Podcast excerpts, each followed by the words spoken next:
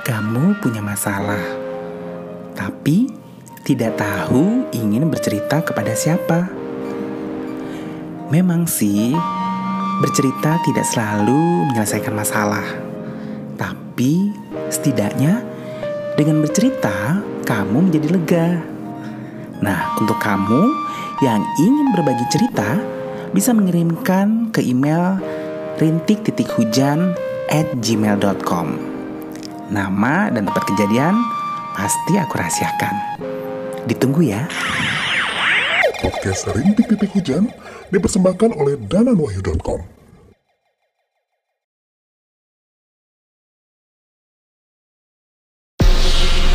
Podcast Jalan-Jalan Cuap-Cuap. Podcast jalan-jalan cuap-cuap.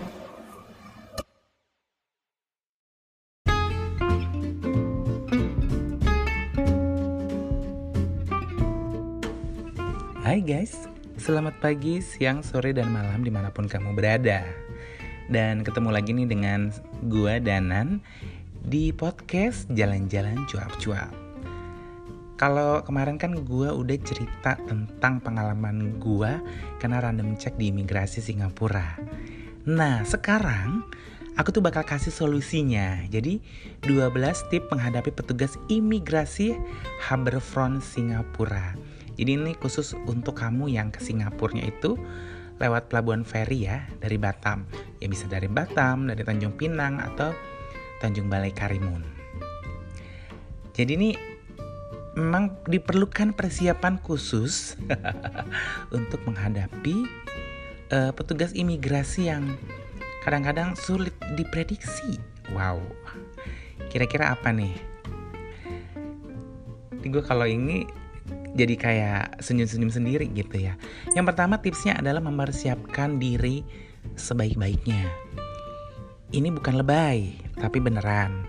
Karena ketika sampai di Singapura dan dan dan imigrasi, kamu itu harus antri gitu. Nah, kalau weekend antrinya tuh panjang banget, paling nggak satu jam. Terus kalau hari-hari libur panjang, nasional, tahun baru bisa tiga jam. Jadi jelas, mengantri itu dibutuhkan kemampuan fisik dan mental. Dan kamu juga harus istirahat. Cukup tidur. Jangan sampai mata kamu merah. Karena ada kejadian di temen gue. Jadi ceritanya kalau nggak salah itu sama sepupunya lah ke Singapura. Ternyata si, pupu, si sepupunya ini matanya merah dicek deh. Ternyata dia semalam abis dugem terus ngobat. Ya udahlah ya baliklah. Langsung dideportasi. Ada juga teman gue nih cewek.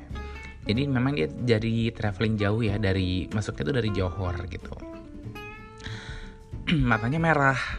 Langsung disuruh tes urin.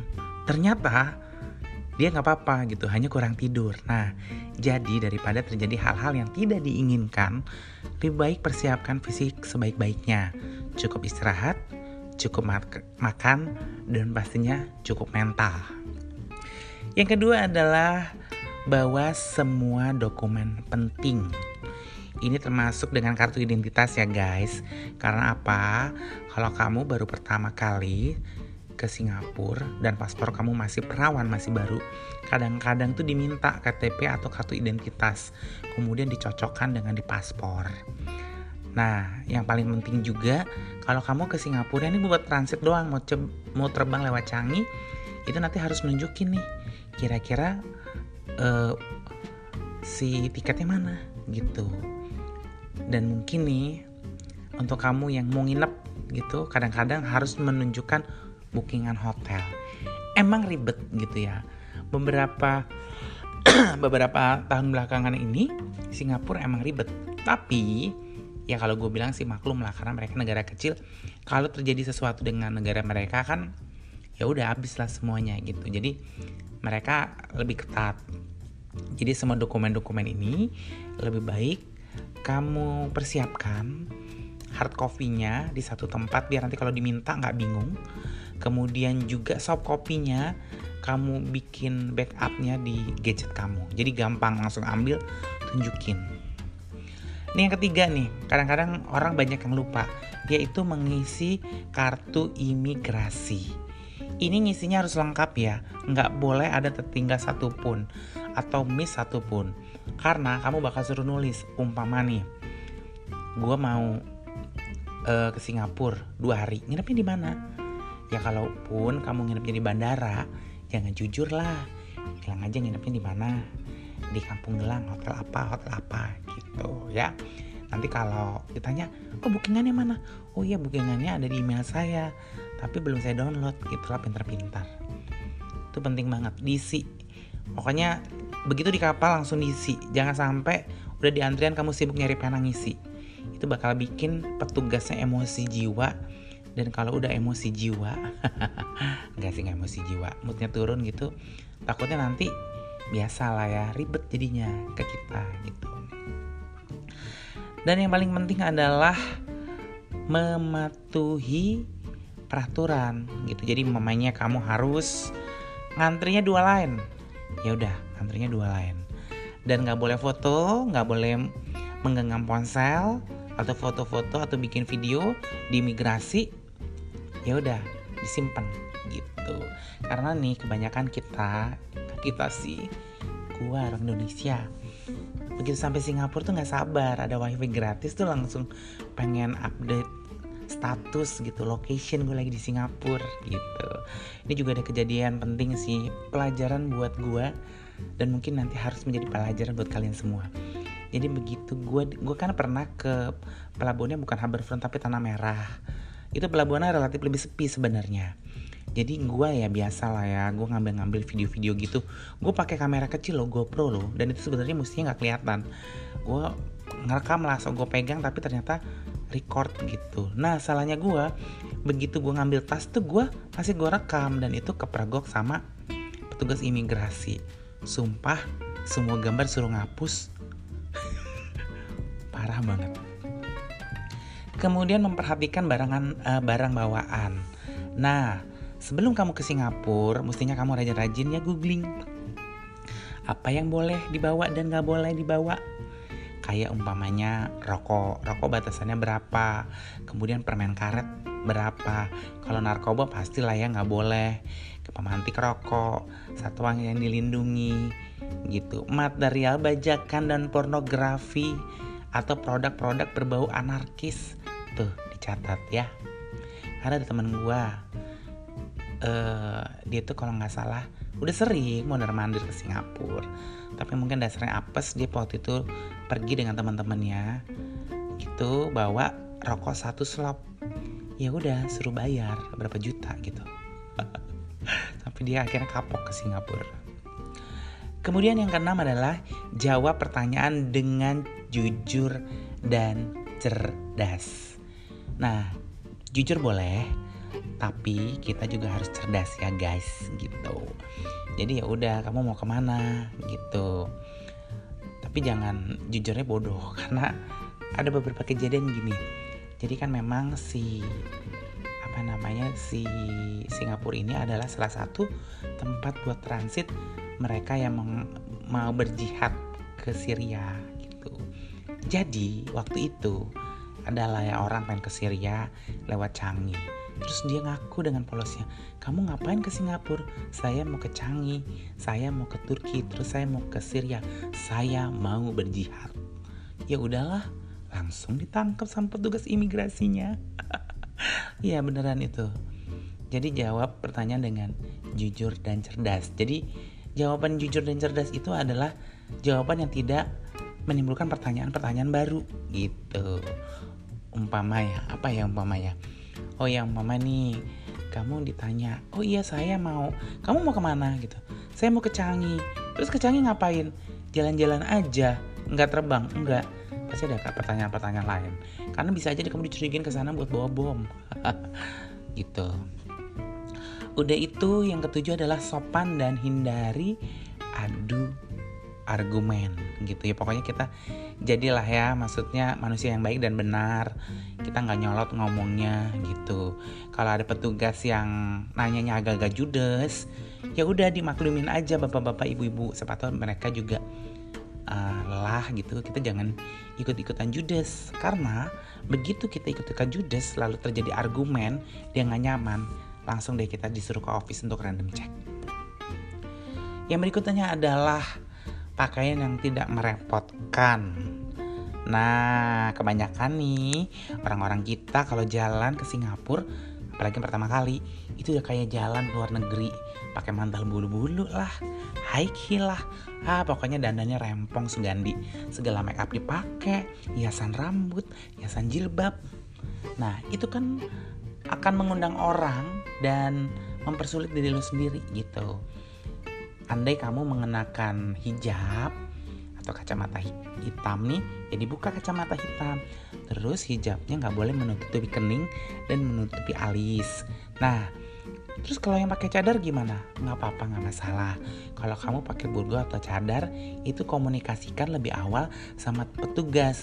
Biar yang membuka cadar yang ngecek cadar kamu petugasnya itu yang semuhrim gitu ya kemudian tips yang kesembilan adalah basa basi. Tapi jangan basi. Boleh dong ngucapin selamat pagi selamat siang sore gitu ya. Kemudian setelah apa namanya setelah kita dilayani dengan baik mengucapkan terima kasih gitu. Tapi jangan SKSD sok kenal sok deket sok akrab gitu ya. Dan ke sepuluh adalah dokumen-dokumen yang mudah dijangkau jadi nih untuk segala kemungkinan terburuk, kadang nih ya kita nyebrang, apalagi kayak gua muka gue yang terlalu eksotis ini, kadang gue diragukan kalau punya duit buat ke sana. Karena memang banyak sih uh, tenaga kerja ilegal itu yang ke Singapura dari Indonesia nih Kemudian biasanya mereka paling ekstrim tuh disuruh nunjukin lo beneran punya duit nggak buat jalan-jalan atau nunjukin kartu kredit atau ATM. Nah, semua-semua barang-barang yang kayak gini nih, itu mestinya dijadikan satu dengan dokumen lainnya yang mudah dijangkau biar nanti kamu nggak bingung nyarinya kan. Ini antrian udah belak di belakang udah panjang pak bu gitu. Kemudian yang ke-11 adalah catat alamat dan nomor-nomor penting.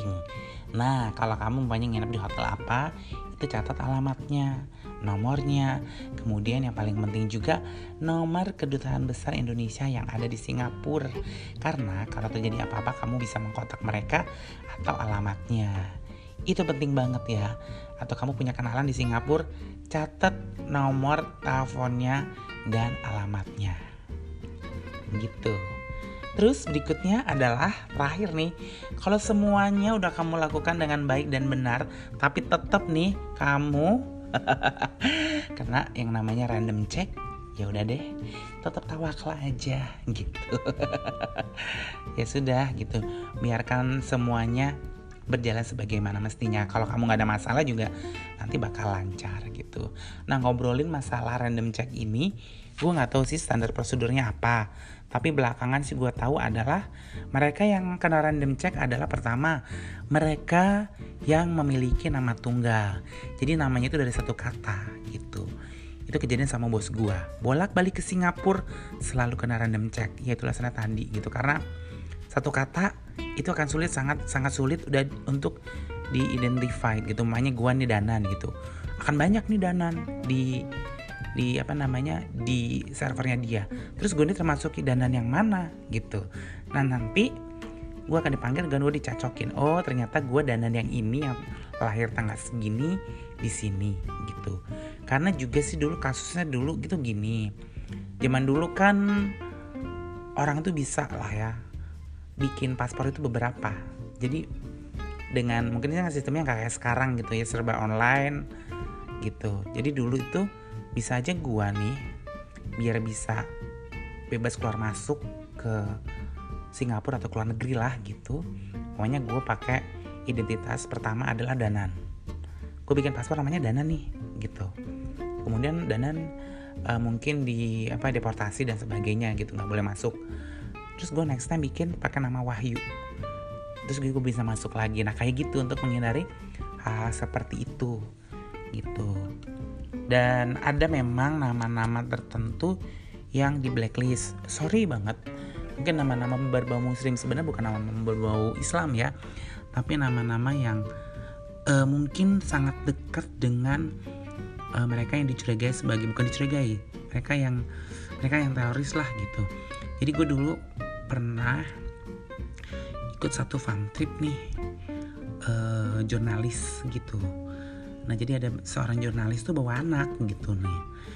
Nah jadi si anaknya ini tuh kena. Dan dia selalu kena padahal si anaknya baru umurnya baru lima tahun. Nah ternyata kenapa sih nanya lah kenapa sih kok anak ini selalu kena bukan orang tuanya gitu yang kena. Dan nama si anak ini itu adalah nama yang masuk blacklist mirip dengan nama salah seorang teroris jadi hati-hati guys kalau ngasih nama anak. Terus ada teman traveling gue juga yang punya nama tunggal. Karena dia hobi traveling dan biar dia nggak selalu kesandung di imigrasi akhirnya dia meng, uh, apa ya ke pengadilan menambahkan nama orang tuanya di belakang dia. Jadi kalau nggak salah akhirnya dia orang tuanya dan kakeknya. Jadi ada ada tiga kata gitu untuk menghindari yang namanya tadi itu random check. Nah untuk kamu mungkin yang mau berbagi cerita silakan aja kirim ke email ke aku gitu ya. Atau mungkin ada saran kak uh, aku mau tanya soal ini dibahas dong di podcast jalan-jalan cuap-cuap. Oke nanti kalau aku punya pengalaman itu dan informasi tentang itu aku bakal bikin podcastnya biar bisa dibagi ke kalian semua. Oh ya jangan lupa juga ya untuk membaca blognya aku di www.dananwahyu.com itu isinya semua traveling sih rata-rata dan lifestyle.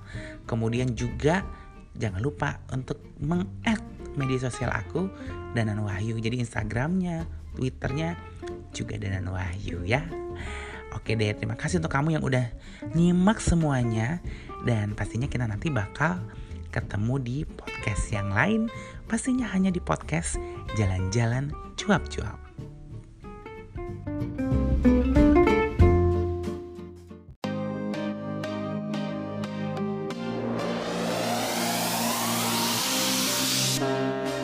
Kamu punya hobi traveling, tapi nggak bisa ke mana-mana gara-gara pandemi.